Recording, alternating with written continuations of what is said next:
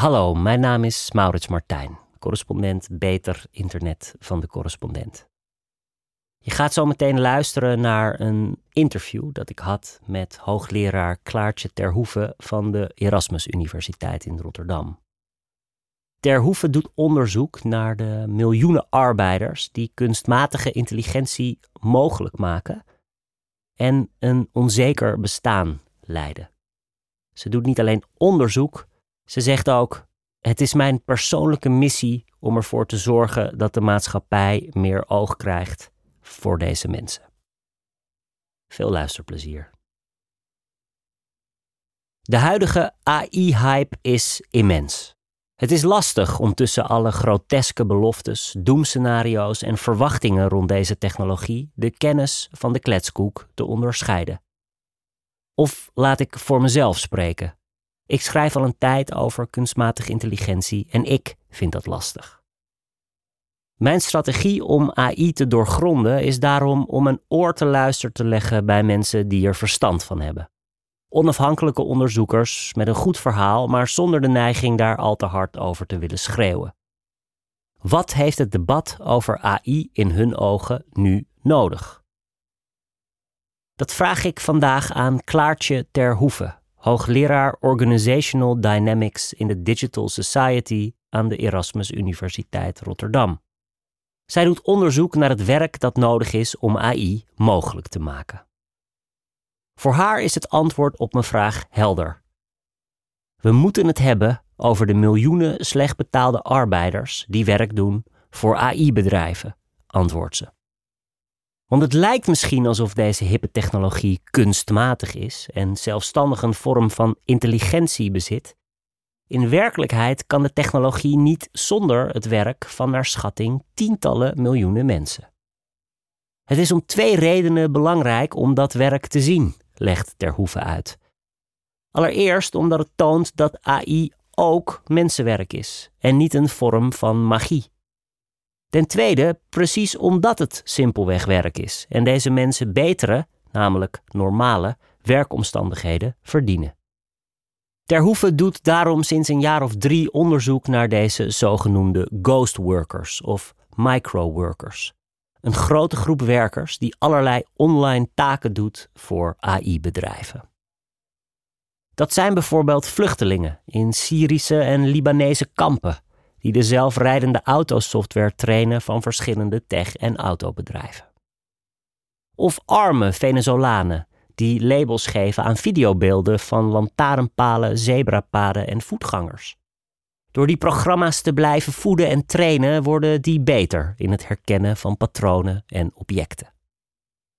Ter Hoevens onderzoeksgroep richt zich daarbij op de Europese ghost workers. Ze brengen in kaart wat ze doen, wie ze zijn en hoe ze hun werk beleven. Voor de duidelijkheid, deze mensen hebben geen goed betaalde baan bij een techbedrijf. Ze krijgen hun taakjes toebedeeld via een soort online uitzendbureaus en weten vaak niet voor welke organisaties ze precies werken. Deze nieuwe arbeidersklasse is onzichtbaar voor de gebruikers van de AI-applicaties en onzichtbaar in de betekenis van ongezien. Ze krijgen geen feedback op hun werk, hebben geen manager met wie ze kunnen praten en geen arbeidsrechten. Terhoeven zegt daarover: Het is mijn persoonlijke missie om ervoor te zorgen dat de maatschappij meer oog krijgt voor deze mensen. De hoogleraar vertelt wat deze mensen allemaal doen. Ze vervullen hoofdzakelijk microtasks, kleine taakjes waar ze meestal een paar centen voor krijgen. Rode draad in al die taakjes is het labelen en beoordelen van data. De microworkers moeten die input begrijpbaar maken voor AI-modellen. Zij zijn de trainers en de schoonmakers van de data van techbedrijven. Ze transcriberen gesprekken, ze beoordelen beelden, ze categoriseren en schonen data op. Door bijvoorbeeld afbeeldingen te labelen, zodat een algoritme snapt wat een blikje is en wat een glas. Of ze controleren algoritmes die aangeven voor 60% zeker te weten dat iets een glas is en geen blikje. Het kan ook gaan over zoekopdrachten. Dat iemand zoekt naar pannenkoekenhuis in Amsterdam een zoekmachine een lijstje van pannenkoekenhuizen geeft En dat een microworker dan controleert of het bovenste resultaat inderdaad het dichtstbijzijnde is en zo de zoekmachine leert dat dit een goed antwoord was. Er zijn ook microworkers die luisteren naar opnames van mensen die opdrachten geven aan AI-assistenten, zoals Alexa, en die vervolgens vertalen of transcriberen. Dit klinkt wellicht wat willekeurig, maar dit datawerk is een cruciale bouwsteen voor de hele AI-industrie. Ieder AI-bedrijf heeft goed getrainde en schone data nodig voor zijn producten. Zonder microworkers zou een Tesla geen onderscheid kunnen maken tussen een hond en een stoplicht. ChatGPT zou een racistische hork zijn in plaats van een beleefde gesprekspartner. Zonder deze onzichtbare en slecht betaalde arbeid is de huidige AI niet mogelijk. En zoals AI afhankelijk is van deze onzichtbare arbeid, is een deel van die arbeiders afhankelijk van dit werk. Terhoeven labelt deze groep dependents, zij die van microwerk proberen te leven. Hun omstandigheden zijn volgens haar zorgelijk en deze groep heeft aandacht nodig. Maar ook mensen die dit soort werk als hobby of naast ander werk doen, verdienen beter, vindt Terhoeven. Ze zegt: We hebben zowel wereldwijd als in Nederland zelf afspraken gemaakt over wat fatsoenlijk werk inhoudt, en dit werk voldoet aan geen van die criteria. Slechte arbeidsomstandigheden zijn natuurlijk van alle tijden, vertelt Terhoeven. Maar dit online microwork is een nieuw fenomeen. Ze legt uit. De taken worden uitgedeeld door algoritmes. Mensen worden onderbetaald, krijgen geen feedback, hebben geen mogelijkheden om te leren, krijgen regelmatig zonder uitleg niet betaald. De machtsbalans is zo ontzettend scheef. De microworker kan ontslagen worden zonder toelichting en trekt eigenlijk altijd aan het kortste eind. Ondertussen worden een paar mensen in Silicon Valley er extreem rijk van. Dat vind ik een probleem. Er is nog een reden om te willen weten wie dit werk doen, gaat er hoeven verder. AI speelt een steeds grotere rol in de zorg en in het juridisch systeem, zegt ze. Of denk aan de toepassingen van AI in zelfrijdende auto's en luchtverkeer. Je wil dan wel weten wie dat cruciale datawerk uitvoeren. We hebben bijvoorbeeld iemand geïnterviewd die online hielp met het trainen van een operatierobot. Zij mocht meekijken met een operatie en aangeven of ze vond of iemands hand trilde. Maar die vrouw had totaal geen medische achtergrond. Daarbij, zegt Terhoeven, heeft de manier waarop er voor mensen gezorgd wordt altijd effect op de kwaliteit van hun werk. Je presteert slechter als je je niet goed voelt, ongeacht je beroep, legt ze uit. Dat is met microworkers natuurlijk ook zo. Maar hoe doe je dat? Zorgen voor deze mensen. Dat is nog niet zo simpel, legt Terhoeven uit. Er bestaan grote verschillen tussen Europese landen. In Duitsland doen veel microworkers het werk bijvoorbeeld naast een uitkering. Als we aan hen vragen of zij willen dat het microwork meer gereguleerd wordt, legt Terhoeven uit, dan zeggen ze nee, omdat ze waarschijnlijk terecht denken dat het microwork naast een uitkering dan verboden wordt. In Portugal, vertelt ze, speelt het tegenovergestelde.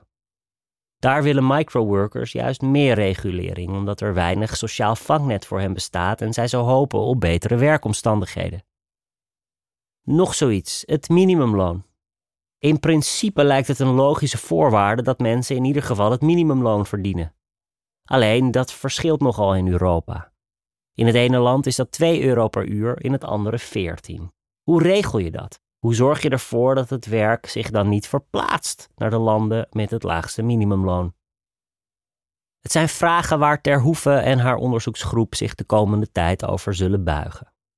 Ze mijmert ook over haar eigen rol, zegt ze, of ze niet kan bijdragen aan betere omstandigheden ik vind het zo bizar dat al deze mensen elkaar nooit zien, legt ze uit. Zij doen dit werk alleen en hebben zo helemaal niet door dat er miljoenen mensen zoals zij zijn. Dat ze miljoenen collega's hebben. Hoe kan ik ervoor zorgen dat ze elkaar kunnen ontmoeten en met elkaar kunnen praten? Want dat is een cruciaal onderdeel van werk. Antwoorden heeft ze nog niet, maar door deze groep een stem te geven, komen deze vragen en de omstandigheden waarin deze groep werkt tenminste op tafel te liggen. En dan nog even dit. Wil je helpen de correspondent verbeteren? Meld je dan aan voor ons ledenpanel. Al tien jaar maken jullie, onze leden, journalistiek voorbij de waan van de dag mogelijk. Niet alleen financieel, maar ook inhoudelijk. In de bijdragensectie verrijken jullie onze journalistiek met kennis en inzichten. Jullie stellen kritische vragen, geven interessante tips en wijzen ons op fouten. Ook sturen jullie veel ideeën over hoe we de website en de ervaring van leden beter kunnen maken.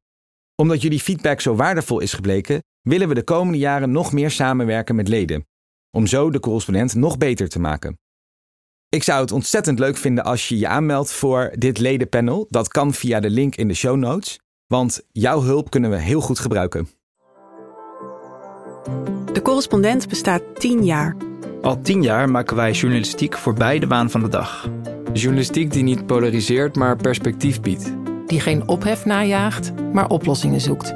Wist je dat de correspondent 100% door leden wordt gefinancierd? Dat betekent dat we ons werk alleen kunnen doen als luisteraars zoals jij ons steunen. Word vandaag nog lid. En draag bij aan diepgavende, Advertentievrije en onafhankelijke journalistiek. Ga naar decorrespondent.nl en word lid.